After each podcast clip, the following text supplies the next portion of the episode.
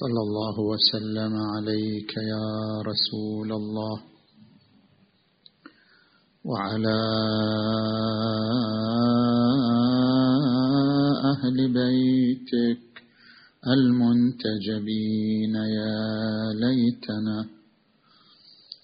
كنا معكم فنفوز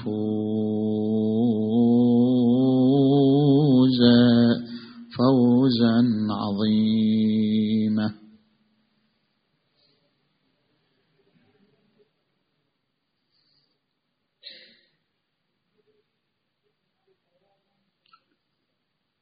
مما اختلف فيه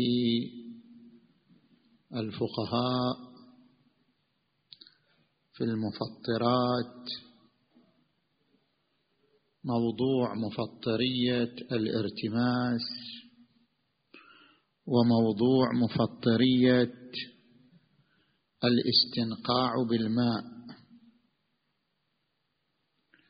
فمثلا إذا نظرنا إلى رأي سيدنا الخوئي قدس سره وكثير من الفقهاء فهم يرون أن رمس تمام الرأس في الماء من المفطرات.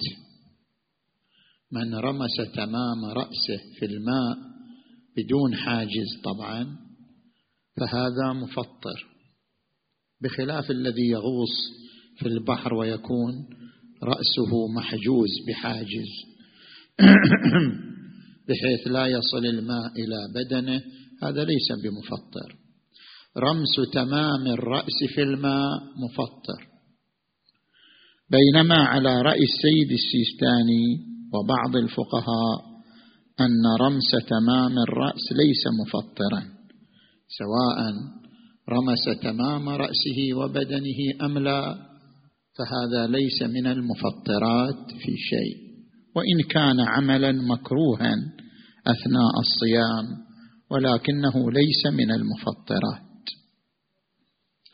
أيضا بالنسبة إلى الاستنقاع بالماء يعني إذا جلس الإنسان في وسط الماء بحيث دخل الماء إلى فرجه دخل الماء إلى دبره هنا أيضا المشهور من الفقهاء يفتون بأن ذلك مفطر ومنهم السيد الخوئي قدس سره. السيد السستاني وبعض الفقهاء يقولون لا مجرد دخول الماء عن طريق الدبر هذا لا يعني أن الصوم قد بطل. ما لم يدخل إلى الجهاز الهضمي ما لم يدخل إلى الأمعاء مجرد أنه دخل إلى هذه المنطقة هذا لا يعني أن الصوم باطل. نعم إذا كان مثلا في عملية أجريت له عملية عملية منظار أو غيره فدخل ماء أو مادة إلى أمعائه نعم حينئذ يكون ذلك مفطرا. أما مجرد دخول الماء عن طريق الفرج إلى البطن هذا لا يعد مفطرا ما لم ينفذ إلى منطقة الجهاز الهضمي. فهذا من موارد الاختلاف بين السيدين في حدود المفطرات. أعوذ بالله من الشيطان الغوي الرجيم. بسم الله الرحمن الرحيم. نزل به الروح الأمين على قلبك لتكون من المنذرين بلسان عربي مبين.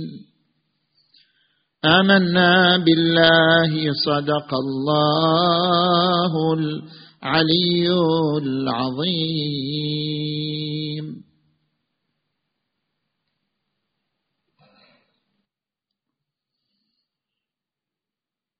هناك فكرة يطرحها كثير من الباحثين الأكاديميين وهي أن فهم القرآن الكريم ليس حكرا على طبقه معينه من المجتمع. وهم العلماء أو الفقهاء. بل إن فهم القرآن الكريم والوصول إلى مقاصده أمر ميسور لكل عربي يلتفت إلى خصائص اللغة العربية. وذلك لوجهين. الوجه الأول أن القرآن الكريم نفسه يؤكد أنه عربي وعربي واضح كما في قوله عز وجل نزل به الروح الأمين على قلبك لتكون من المنذرين بلسان عربي مبين. القرآن نفسه يذكر أنه عربي مبين يعني واضح. ويقول في آية أخرى انا جعلناه قرانا عربيا لعلكم تعقلون. اذا القران نزل بلغه عربيه واضحة. وهذا يعني أن فهمه ميسور لكل الطبقات. وليس حكرا على خصوص العلماء والفقهاء. كل من يمتلك انسا باللغة العربية وخصائصها بإمكانه أن يفهم القرآن الكريم. الوجه الثاني أن القرآن الكريم هداية لجميع البشرية. القرآن الكريم نفسه يقول ألف لام ميم ذلك الكتاب لا ريب فيه هدى للمتقين. ولم يقل هدى للفقهاء هدى للمتقين. وقال في آية أخرى إن هذا القرآن يهدي للتي هي أقوم يهدي الكل. وقال في آية ثالثة ونزلنا عليك الكتاب تبيانا لكل شيء. وهدى ورحمة وبشرى للمسلمين كل المسلمين. اذا القرآن كتاب هداية لجميع البشرية. فكيف يكون كتاب هداية؟ وفهمه ينحصر بطبقه معينة. ألا وهم الفقهاء؟ ألا وهم العلماء؟ مقتضى هذه الآيات أن فهم القرآن والتفاعل مع القرآن ميسور لكل البشرية. زين. هذه الفكرة عندما نريد أن نسلط الضوء عليها لابد أن نتعرض لمناهج التفسير. تفسير القرآن له عدة مناهج. نتعرض لهذه المناهج ثم نذكر ما يترتب على هذه المناهج المتنوعة. زين؟ المنهج الأول من المناهج التفسيرية للقرآن الكريم المنهج الألسني. لوكسمبرغ المستشرق الألماني عنده كتاب معاني القرآن في ضوء علم اللسان. معاني القرآن في ضوء علم اللسان. يرى أن منهج تفسير القرآن يعتمد على علم الألسنيات. لا يمكن فهم القرآن من دون مراجعة علم الألسنيات. هل أشرح لك هذا المعنى؟ بذكر عدة أمور تتضح لك. الأمر الأول أقدم لغة هي اللغة الآرامية وهي اللغة التي كانت مسيطرة على بلاد ما بين النهرين وتمتد إلى بلاد فارس والجزيرة العربية اللغة الآرامية. في القرن الثاني للميلاد زين تحولت إلى لغة سريانية. هي اللغة الآرامية ما تغيرت إنما في القرن الثاني للميلاد ملك مملكة آشور تنصر أصبح مسيحيا. لما أصبح مسيحيا أطلق الإغريق على من تنصر اسم السريان.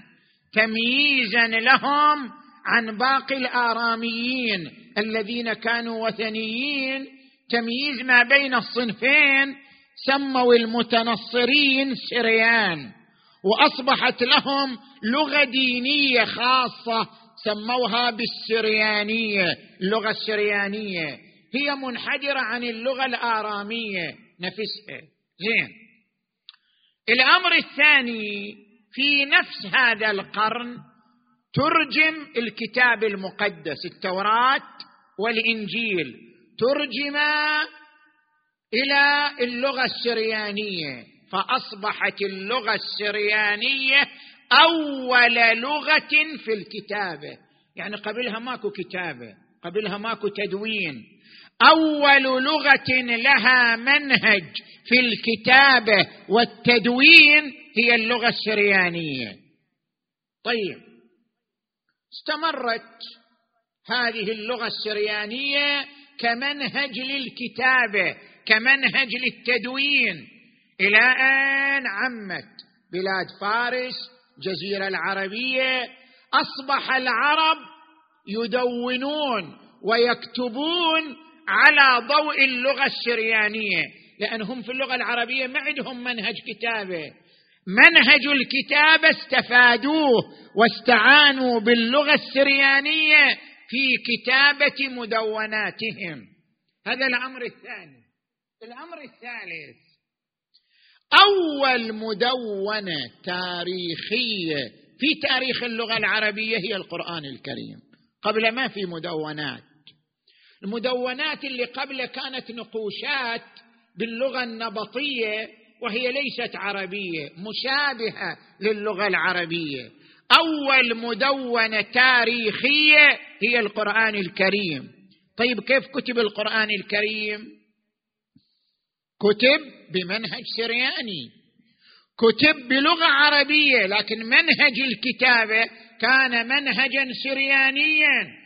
يعني اللغة العربية ما عندها منهج كتابة. استعانت باللغة السريانية. في تنسيق الحروف وصفها فأصبحت اللغة التي كتب بها القرآن لغة تعتمد على أصول سريانيه زين؟ مضافه مضافه إلى أن القرآن ما كتب بلغة منقطة لغة بدون تنقيط.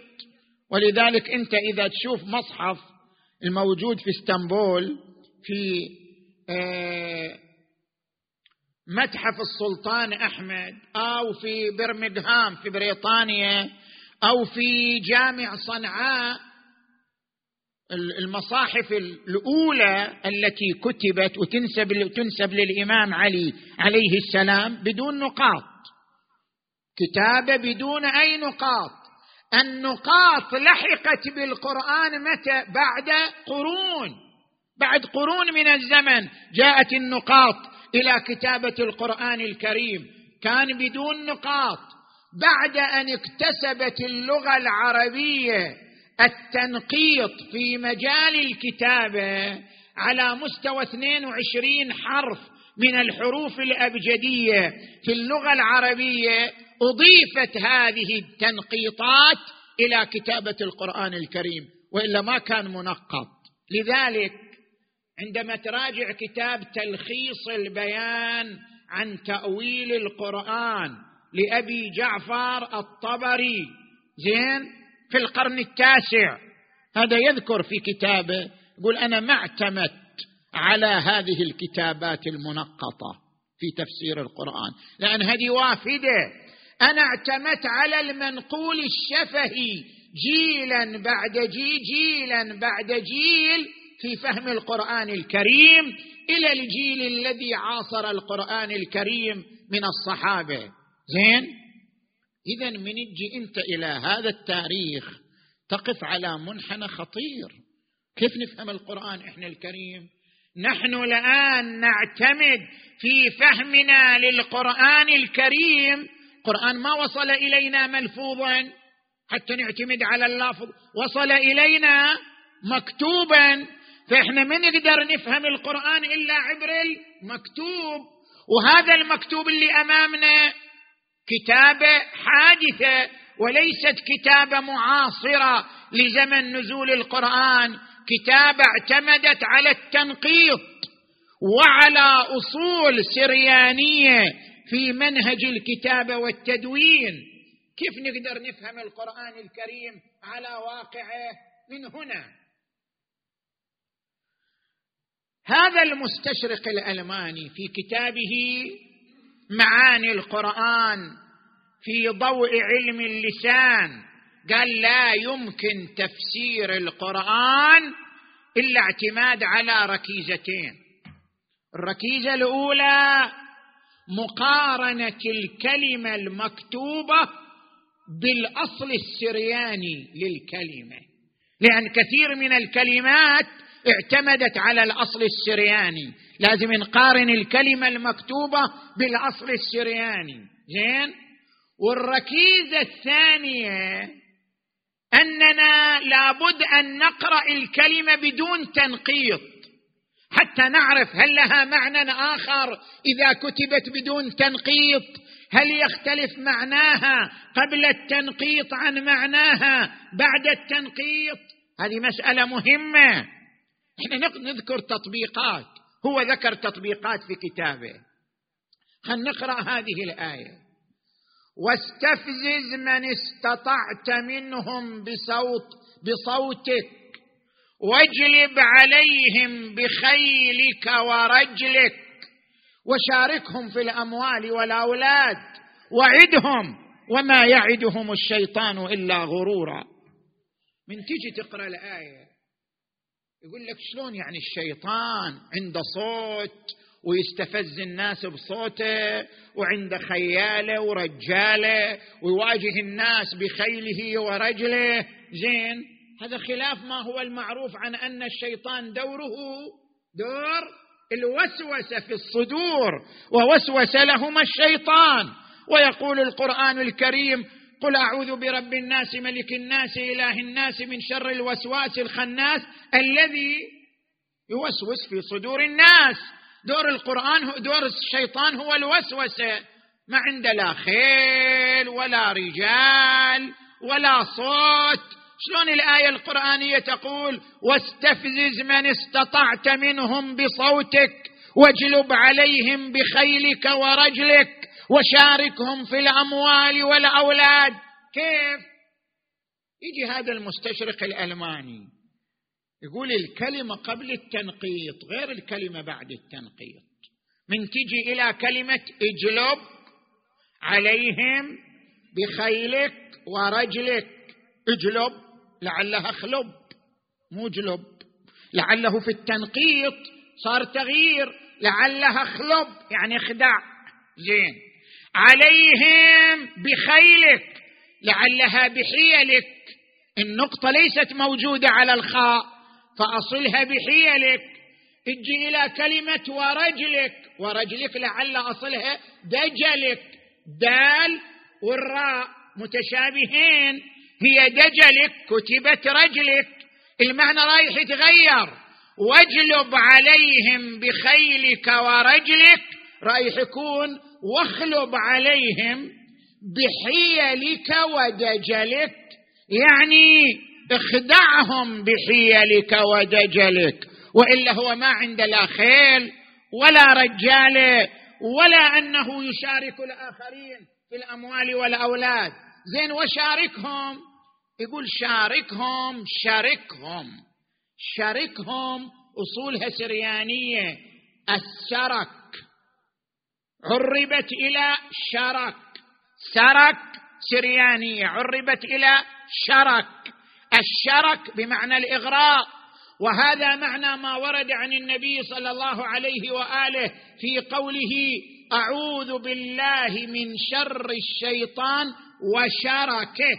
وشركه يعني وإغرائه. اذا شركهم في الأموال والأولاد بمعنى إغرائهم في الأموال والأولاد. المعنى تغير. بناء على هذا المنهج الألسني رايح تتغير معاني كثيرة مما نفهمه من القرآن الكريم. عندما تأتي إلى قوله تعالى فما لهم عن التذكرة معرضين كأنهم حمر مستنفرة فرت من قسورة. شنو معنى القسورة؟ يقول لك القسورة يعني الأسد. الحمير من تشوف الأسد تهرب منه. كأنهم حمر مستنفرة فرت من قسورة. زين. يقول لك هذا المستشرق الألماني ما في في الأصول. أصول اللغة العربية ما تجي قسورة بمعنى أسد. هذا معنى حادث معنى جديد. من أين فسرتم قسوره بمعنى الأسد؟ قسورة رجعها إلى أصولها السريانية. أصولها السريانية قاسورة. قاسورة بمعنى الحمار الهرم اللي ما يقدر يهرب. زين؟ شنو يصير المعنى بالنتيجة؟ إذا نرجعها إلى أصولها السريانية. صير المعنى ليش هؤلاء معرضين عن القرآن؟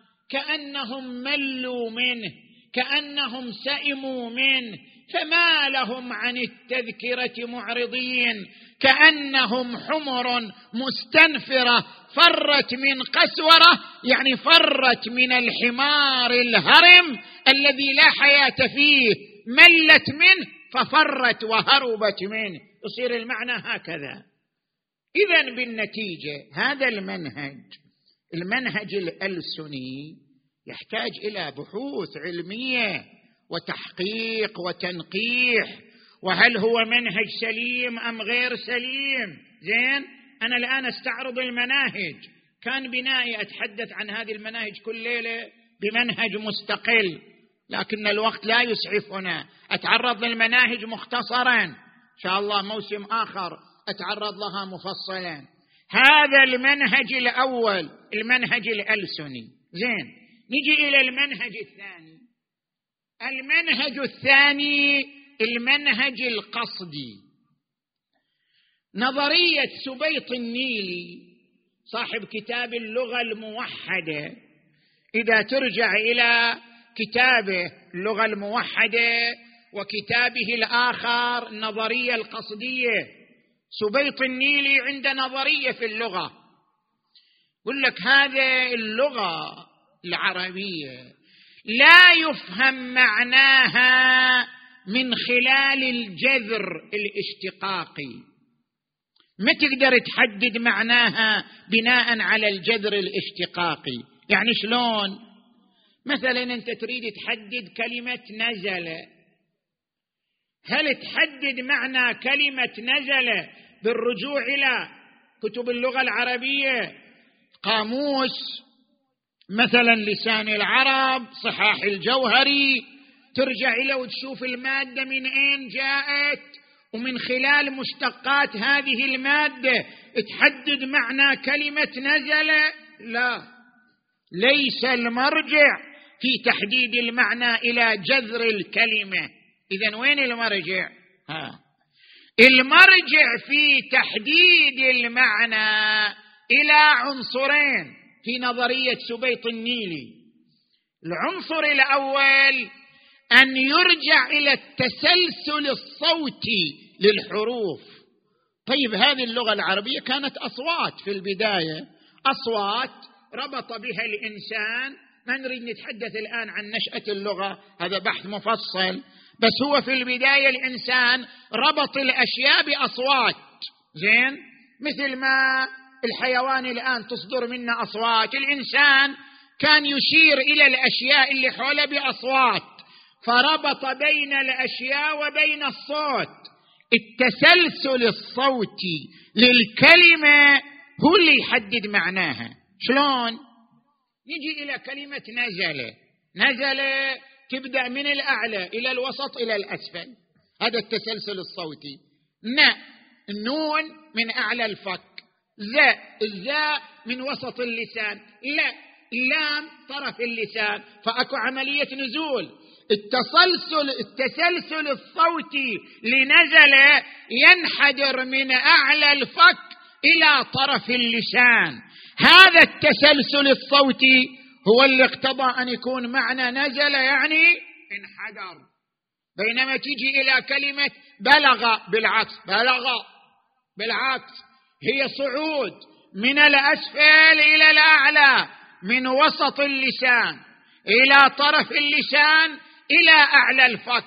فلذلك تناسب الصعود تناسب الإعتلاء. بلغ التسلسل الصوتي للكلمة الذي هو الأصل في وضعها وربطها بالأشياء هو يحدد معناها. هذا العنصر الأول.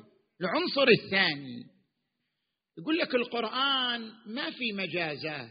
لا تقول هذه الآية معناها مجازي ما في مجاز. هذا الله اللي قاعد يتكلم. مو امرئ القيس اللي قاعد يتكلم حتى يستخدم مجاز وكنايات واستعارات.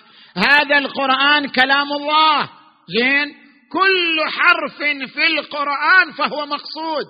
ما في شيء اسمه مجاز.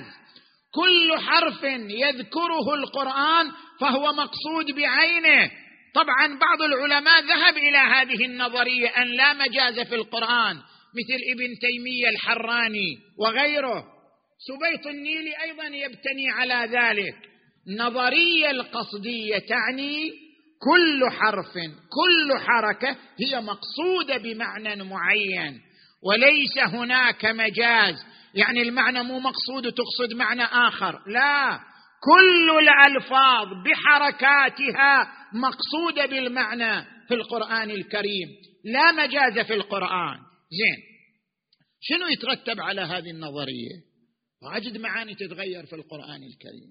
يعني الآن مثلا أضرب لك مثل. تجي إلى قوله تعالى لو أنزلنا هذا القرآن على جبل لرأيته خاشعا متصدعا من خشية الله. شريف الرضي آه، في حقائق تنزيل يقول هذا مجاز. زين؟ وغيره. طبرسي الطوسي في في, في التبيان. طبرسي في مجمع البيان. يقول مجاز. الجبل لا وعي له. إنما هذا تعبير مجازي. يعني لو نزل القرآن على الجبل وكان واعيا يتصدع. عبارة مجازية. سبيط النيل يقول لا الجبل إلى وعي. إحنا ناخذ القرآن بظاهره. القرآن ما في مجاز. الجبل له وعي. والآية تفيد معناها. لو أن القرآن فعلا نزل على الجبل لتصدع الجبل لأنه له وعي. وهذه الآيات القرآنية كلها ترشد إلى هذه الحقيقة. اقرأ قوله تعالى إنا عرضنا الأمانة على السماوات والأرض والجبال فأبين أن يحملنها وأشفقن منها. إيش معنى أشفقن منها؟ يعني هي عندها وعي. ولذلك حملناها على ما تحتمل واشفقن منها. وحملها الإنسان. إنه كان ظلوما جهولا. ويقول تعالى في آية أخرى وإن من شيء إلا يسبح بحمده ولكن لا تفقهون تسبيحهم. كل شيء إلى لغة كل شيء إلى تسبيح. ويقول القرآن الكريم إنا سخرنا الجبال معه يسبحنا بالعشي والإشراق. ويقول القرآن الكريم ولله يسجد من في السماوات ومن في الأرض والشمس والقمر والنجوم والجبال والشجر والدواب وكثير من الناس. اذا إحنا نمشي على الظاهر ما في أي مجاز. لا مجاز في القرآن. طبعا هذا ياثر كثير. هذه النظرية القصدية. يعني مثلا من تجي إلى قوله تعالى وجوه يومئذ ناظرة إلى ربها وجوه يومئذ ناظرة إلى ربها ناظرة. ما عندنا مجاز. اذا لله نظر. اذا الله ينظر يوم القيامة لأنه لا مجاز في القرآن. من تجي تقول إلى رحمة ربها ناظرة يعني ارتكبت المجاز. ولا مجاز في القرآن اذا نأخذ الآية على ظاهرها. الرحمن على العرش استوى. نأخذ الآية على ظاهرها. أن هناك استواء وهناك عرش يليق بجلاله جل وعلا. استوى عليه وسيطر عليه. وهكذا من ما يترتب من المعاني على النظرية القصدية. هذا أيضا نظرية تحتاج إلى بحث وتنقيح. وملاحظة سائر أطرافها وملابساتها. عرفت شلون؟ تجي إلى المنهج الثالث. أريد أوصلك إلى شيء تقول بعد ما أفهم القرآن. زين. نجي إلى النظرية الثالثة. المنهج الثالث. زين. المنهج الثالث. تجي إلى ما طرحه السيد العلامة صاحب الميزان. أعلى الله مقامه. قال منهجنا في تفسير القرآن رد متشابهاته إلى محكماته. القرآن الكريم يقول وأنزلنا عليك الكتاب منه آيات محكمات هن أم الكتاب وأخر متشابهات. فأما الذين في قلوبهم زيغ فيتبعون ما تشابه منه ابتغاء الفتنة وابتغاء تأويله. القرآن فيه آيات محكمات وهي الآيات التي تتعرض إلى القواعد العامة. وآيات متشابهات وهي التي تتعرض للتفاصيل. لا يمكن فهم الآيات المتشابهات إلا بإرجاعها للآيات المحكمات. خل أضرب لك مثال. يعني مثلا عندما تأتي إلى قوله تعالى ألا له الخلق والأمر. تعرف أن هناك وجود اسم خلق هناك وجود اسم أمر. هذه آية عامة. بس من نيجي للتفاصيل. نشوف عندما يتحدث عن الأمر يقول وما أمرنا إلا واحدة كلمح بالبصر. نعرف أن الوجود الأمري وجود دفعي لحظي لا يعتمد على مادة ولا مدة. زين؟ هذا الوجود الأمري. معناه الوجود الخلقي هو الذي يعتمد على المادة والمدة. عندما نجي إلى قوله تعالى ويسألونك عن الروح قل الروح من أمر ربي وما أوتيتم من العلم إلا قليلا. برد المتشابه. كان هذه آية متشابهة. شنو معنى من أمر ربي؟ مو واضحة. برد المتشابه إلى المحكم نفهم معنى كلمة من أمر ربي أن الروح من عالم الأمر وليست من عالم الخلق. يعني أن الروح موجود دفعي لحظي لم يعتمد على مادة ولا مدة. رد المتشابهات إلى المحكمات هو الذي يجلي لك الصورة التفسيرية للقرآن الكريم. زين. تجي مثلا إلى قوله تعالى.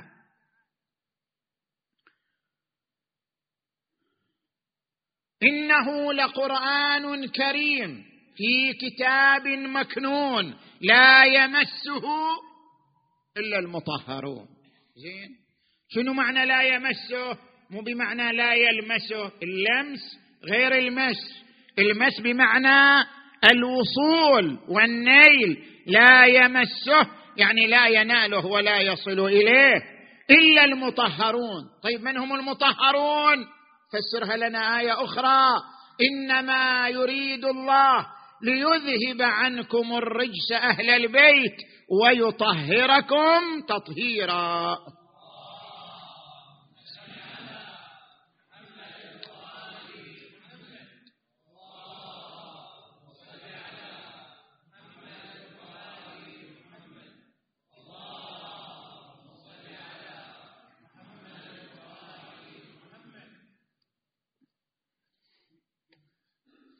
نجي إلى المنهج الرابع. المنهج الرابع هو المنهج اللغوي. وهذا المنهج اعتمده كثير من الباحثين الأكاديميين منهم المهندس محمد شحرور في كتابه الكتاب والقرآن. من ترجع إلى هذا الكتاب تجد له أنظار في تفسير الآيات اعتمادا على المنهج اللغوي فقط. يقول لك أنا ما أستخدم السنة. حديث النبي ما أستخدمها في تفسير القرآن. هذه الأحاديث كتبت بعد 120 سنة من موت النبي. لذلك لا يعتمد عليها لا يوثق بها. أنا أفسر القرآن من خلال لغة نفس القرآن. مقارنة بعض الآيات ببعض تحدد لي معنى الآية القرآنية. هذا منهج لغوي يعتمد على لغة القرآن من خلال المقارنة بين آياته. خل نضرب مثال إلى هذا المنهج ونختم المجلس. تجي إلى آية الحجاب إلا هي المشكلة. كنت أريد أقرر ليلة كاملة حول هذه الآية. زين؟ تجي إلى آية الحجاب. قوله تبارك وتعالى وقل للمؤمنين يغضوا من أبصارهم ويحفظوا فروجهم وقل للمؤمنات يغضضن من أبصارهن ويحفظن فروجهن ولا يبدين زينتهن إلا ما ظهر منها وليضربن بخمرهن على جيوبهن. من نجي إلى هذه آية الحجاب. قل لك هذه آية الحجاب ما فيها تغطية الرأس أن تغطية الرأس واجبة ابدا. ولا تغطية الساقين ولا تغطية اليدين ابدا. هذا كله استحدثه الفقهاء. القرآن لا ينص على ذلك ابدا. شلون؟ زين. نجي الآن إحنا نقرأ الآية المباركة. هذه الآية وردت في سورة النور. سورة النور افتتحها تعالى بقول سورة أنزلناها وفرضناها. يعني سورة النور كلها فرائض من الله أحكام إلزامية. الفريضة ما معناها؟ الفريضة هي ما تتعرض للحد الأدنى من العمل. يعني ما يصير أدنى من هذا الشيء. أكثر منه بكيفك. المهم أن لا يكون أدنى منه الفريضة ما تتعلق بالحد الأدنى من العمل. مثل فرائض الميراث. زين؟ المرأة تعطى نصف سهم الرجل يعني ما تعطى أقل. أما تريد تعطوها أكثر بكيفكم. الفريضة كفرائض الميراث هي ما تتعلق بالحد الأدنى. زين؟ فإذا آية الحجاب تتعرض إلى فريضة. ما هي الفريضة في آية الحجاب؟ خلينا نقرأ الايه قل للمؤمنين يغضوا من أبصارهم. ما قال يغضوا أبصارهم؟ قال يغضوا من أبصارهم. يعني لا تحد لا تدقق زيادة. سوي روحك ما تشوف. ها. غض من بصر. ما قال غض بصرك. قال غض من بصرك. زين؟ من هنا تفيد التبعيض يعني قلل من التحديق والتدقيق. واجعل نفسك كأنك لا ترى. زين؟ هذا معنى يغضوا من أبصارهم أو يغضضن من أبصارهن. زين يغضوا من أبصارهم عن ماذا؟ شنو اللي يغضوا من أبصارهم؟ يقول القرآن بعد ما عين.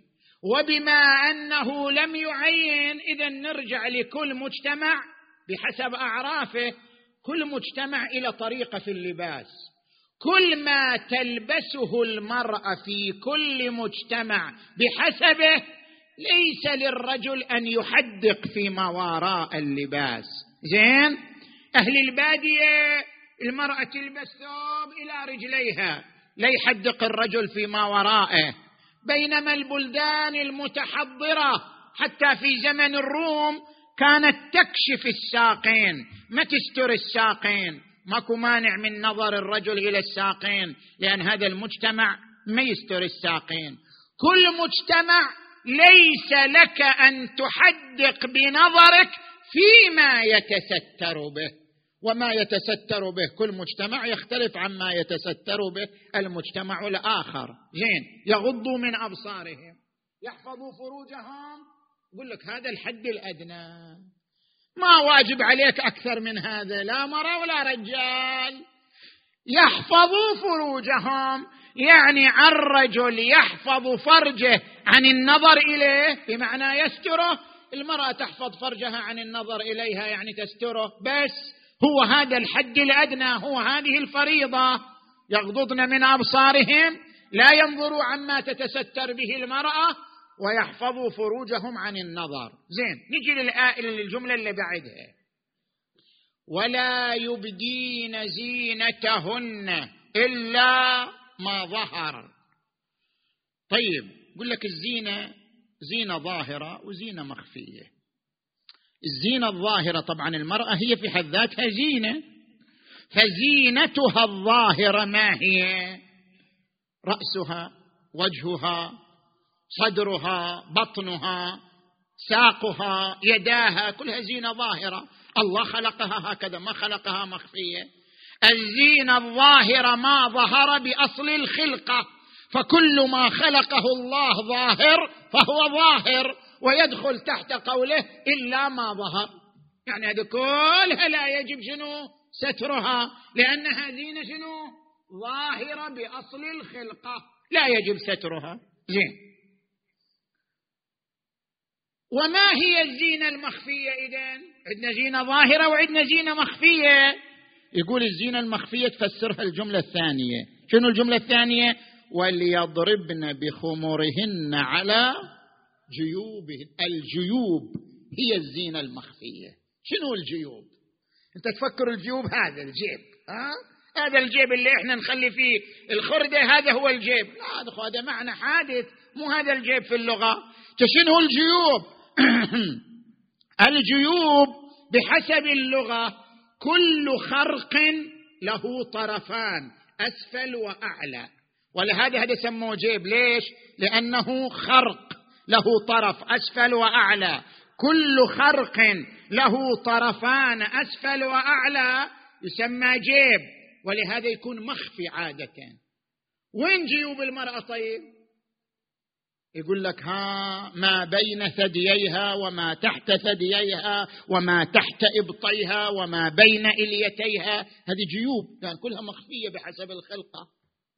ما ظهر الرأس البطن الصدر الساقان اليدان هذا ما ظهر لا يجب ستره. ما خفي هو الجيوب يعني كل شيء هو شق مخفي في الجسد. الله خلقه مخفي. خلق مخفي ما تحت الإبطين مخفي ما تحت الإليتين مخفي ما تحت الثديين مخفي. هذه هي الجيوب. اذا عندما يقول تعالى وليضربن بخمرهن الخمار هو الغطاء على جيوبهن يعني يجب على المرأة أن تستر فقط الجيوب وهي الخروق المخفية التي خلقها الله مخفيه هذا هو غاية هذا ما في أكثر من هذا. زين؟ كانت المرأة العربية تستخدم الخمار وتظهر صدرها. الله قال له بما أنك تستخدمين الخمار فاجعل الخمار على صدرك لستر الجيوب لا لستر تمام الصدر لستر الجيوب وليضربن بخمرهن على جيوبهن. زين؟ وأما الآية الأخرى يا أيها النبي قل لأزواجك وبناتك ونساء المؤمنين يدنين عليهن من جلابيبهن.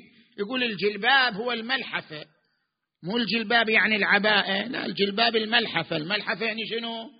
هذه الملحفة الأول يعني جداتنا زين يلبسوا الملحفة.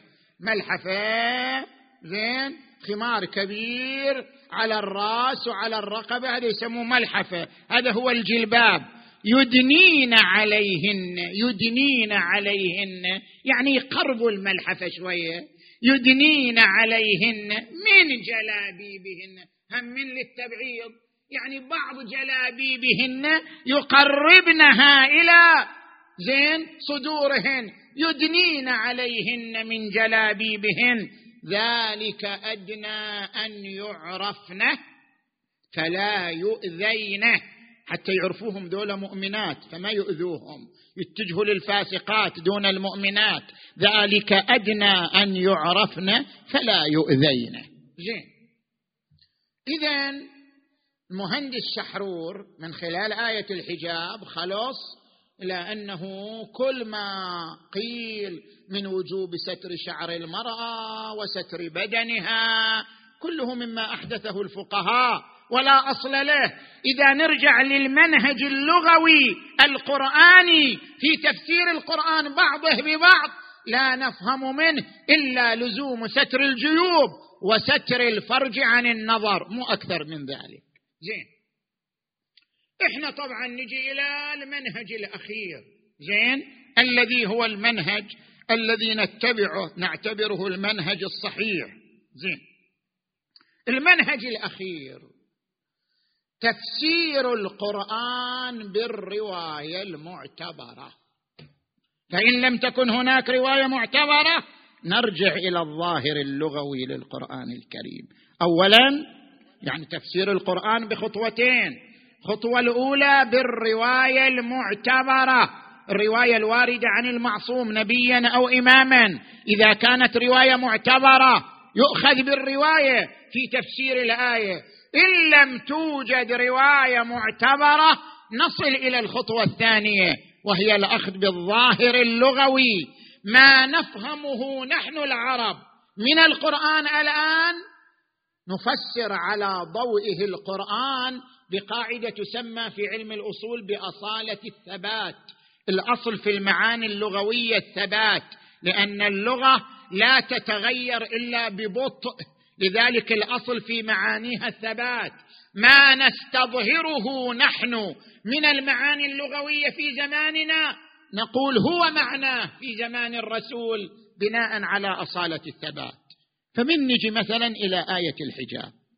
طيب القرآن الكريم نفسه يقول هو الذي بعث في الأميين رسولا منهم يتلو عليهم آياته ويزكيهم ويعلمهم الكتاب. يعني الكتاب يحتاج التعليم مو الكتاب بكيفك أنت أي شيء تقوله يدخل في الكتاب. كتاب يحتاج إلى تعليم. القران يقول ويعلمهم الكتاب. يعني القرآن يحتاج إلى تعليم وتفسير ممن نزل عليه وهو النبي محمد.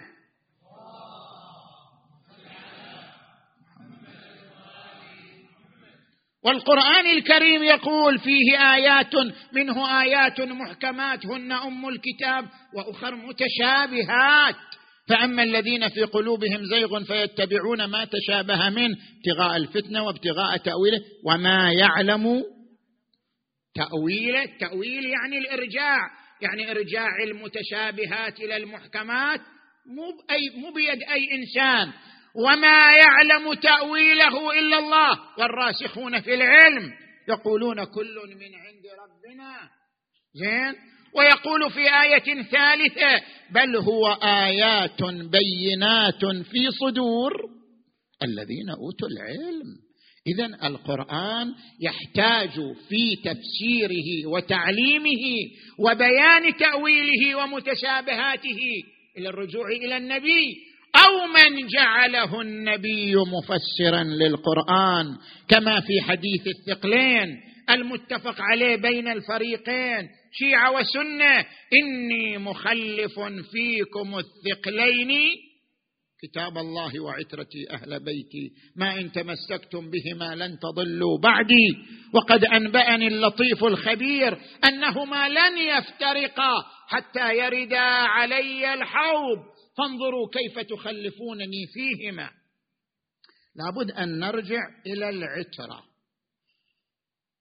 نجي للآية المباركة آية الحجاب. شنو قالت العترة في آية الحجاب؟ ولا يبدين زينتهن الا ما ظهر منها. رجع إلى كتاب السيد الخوئي قدس سره مباني العروة الوثقى. يشرح لنا الروايات الصحيحة الواردة في تفسير آية الحجاب. ولا يبدين زينتهن إلا ما ظهر منها. موثقة الفضيل بن يسار عن الإمام الصادق عليه السلام قال ما ظهر كل ما دون الخمار والسوار فيجب ستره. خمار ما دونه يعني شنو ما دونه يعني الشعر والرقبة. سوار يعني ما دون الكفين من الذراع فنازلا داخل تحت الزينة المخفية ولا يبدين زينتهن إلا ما ظهر منها. تجي إلى موثقة مسعد بن صدقة عن الإمام الصادق عليه السلام قال ما ظهر الوجه والكفان. يعني ما سواه زينة يجب سترها ولكن الوجه والكفان مستثنيان من حرمة الابداء زين. تجي أيضا إلى موثقة أبي بصير عن الإمام الصادق عليه السلام. قال ما ظهر الخاتم والمسكة. خاتم لأنه في اليد. هذا ظاهر. المسكة في اللغة العربية يعني السوار. لأن السوار أعلى الذراع. هذا مستثنى. فما سوى الخاتم والمسكة من الزينة الداخلية فهو مما يحرم إبداؤه. كذلك إذا جئنا إلى قوله تعالى والقواعد من النساء. في قواعد بعد من الرجال. ترى مو بس القواعد من النساء. في قواعد من الرجال وقواعد من النساء. والقواعد من النساء اللاتي لا يرجون نكاحا. فليس عليهن جناح أن يضعن ثيابهن غير متبرجات بزينه عندما تيجي لهذه الآية اللي تتعرض للقواعد من النساء أن يضعن ثيابهن ليس عليهن جناح أن يضعن ثيابهن. ما هي الثياب اللي تضعها؟ في صحيحة الحلبي عن الصادق عليه السلام قال ثيابهن الخمار والملحفة يعني أن هذه القواعد من النساء العجائز يمكن أن تسقط الخمار من على رأسها أو تسقط الملحفة من على رأسها. معناه أن غير القواعد لا يجوز لهم إزالة الخمار ولا إزالة الملحفة لأن الاستثناء جاء في خصوص القواعد دون غيرهم من الناس أو من النساء. اذا إذا رجعنا للعترة فهمنا معنى آخر للآية المباركة. وبما أن العتر مرجع في تفسير الكتاب دون غيرهم لا بد من التقيد بما ورد عن العترة الطاهرة صلوات الله وسلامه عليهم أجمعين. نعم إذا ما وردت رواية معتبرة نرجع إلى الظاهر اللغوي كما بينا ذلك. لهذا ترى أن منظومة الستر ومنظومة الحجاب كانت منظومة لا كلام فيها. يعني أنت من تراجع نصوص المؤرخين تجد التزام المؤمنات بالحجاب الكامل في عهد النبي محمد. محمد. ومن بعده انت الآن من تقرأ النصوص التاريخية مو خصوص كتبنا إحنا الإمامية حتى كتب غيرنا. لما خرجت فاطمة الزهراء إلى المسجد وألقت خطبتها المشهورة ضربت دونها شنو؟ ملاءه ليش يضرب دونها؟ ملاءه إذا المسألة عادية تطلع المرأة بأي شكل. كان المهم تستر فرجها وتمشي.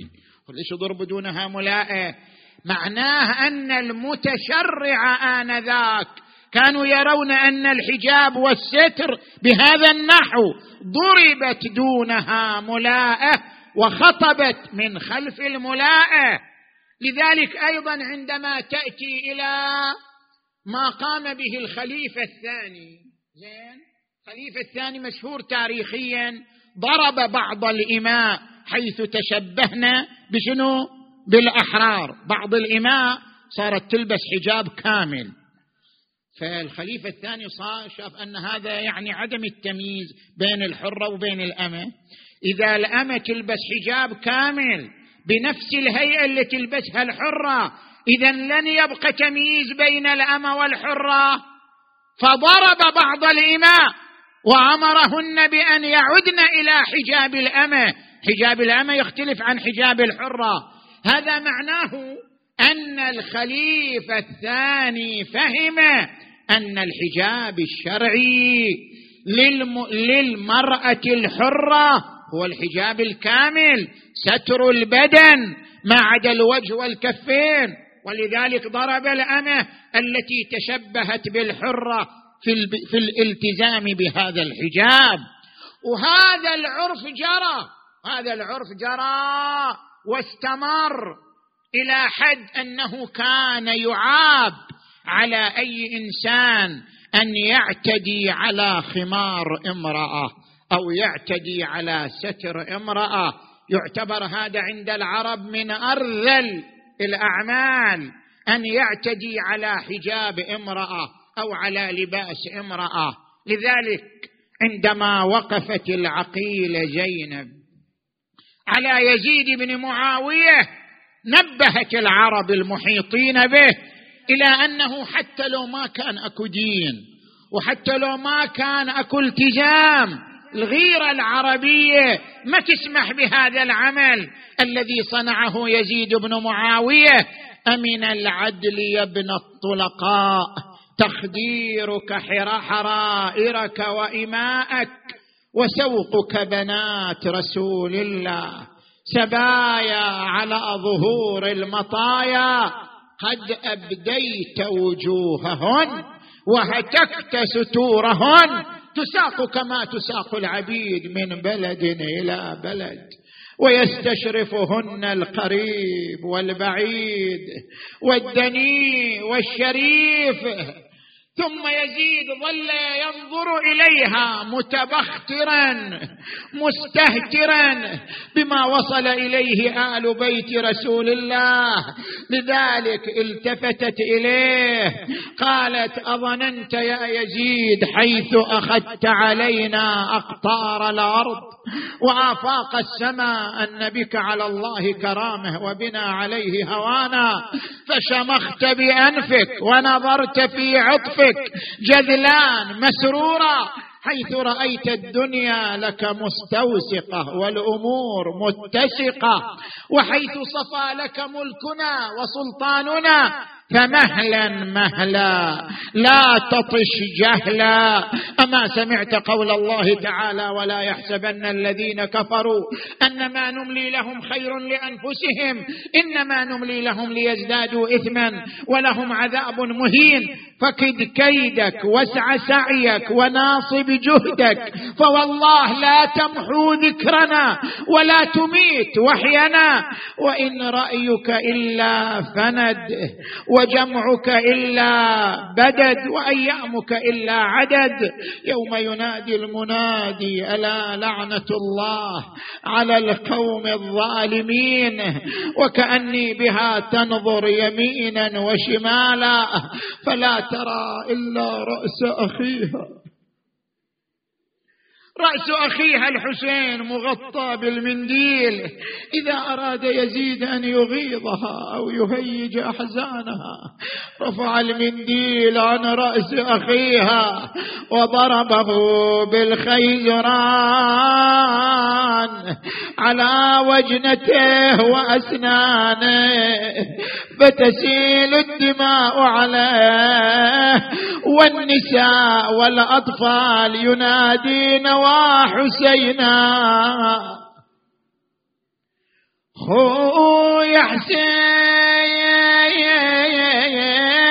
راسك حين شفته شفته تلعب عصا يزيد على شفته. أنا ذاك الوقت خدي لطمته وصديت له بحرقة ولمته إيه والله وصديت له بحرقة يا يا يا يا. يا يا يا ولمته يا يا يا. شلت يمينك يا لضربته. واعظم ما يشجي الغيور. دخولها يا على مجلسين ما بارحا لهو والخمراء بنات زياد في القصور مصونة. وآل رسول الله في الفلوات. يا الله. اللهم صل على محمد وآل محمد. اللهم بالحسين الوجيه وجده وأبيه وأمه وأخيه والتسعة من بنيه. اللهم اغفر ذنوبنا واستر عيوبنا. وكفر عنا سيئاتنا وتوفنا مع الأبرار. واجعلنا في هذا الشهر الشريف من عتقائك من جهنم وطلقائك من النار وسعداء خلقك بمغفرتك ورضوانك. يا أرحم الراحمين. اللهم صل على محمد وآل محمد. اللهم كن لوليك الحجة بن الحسن.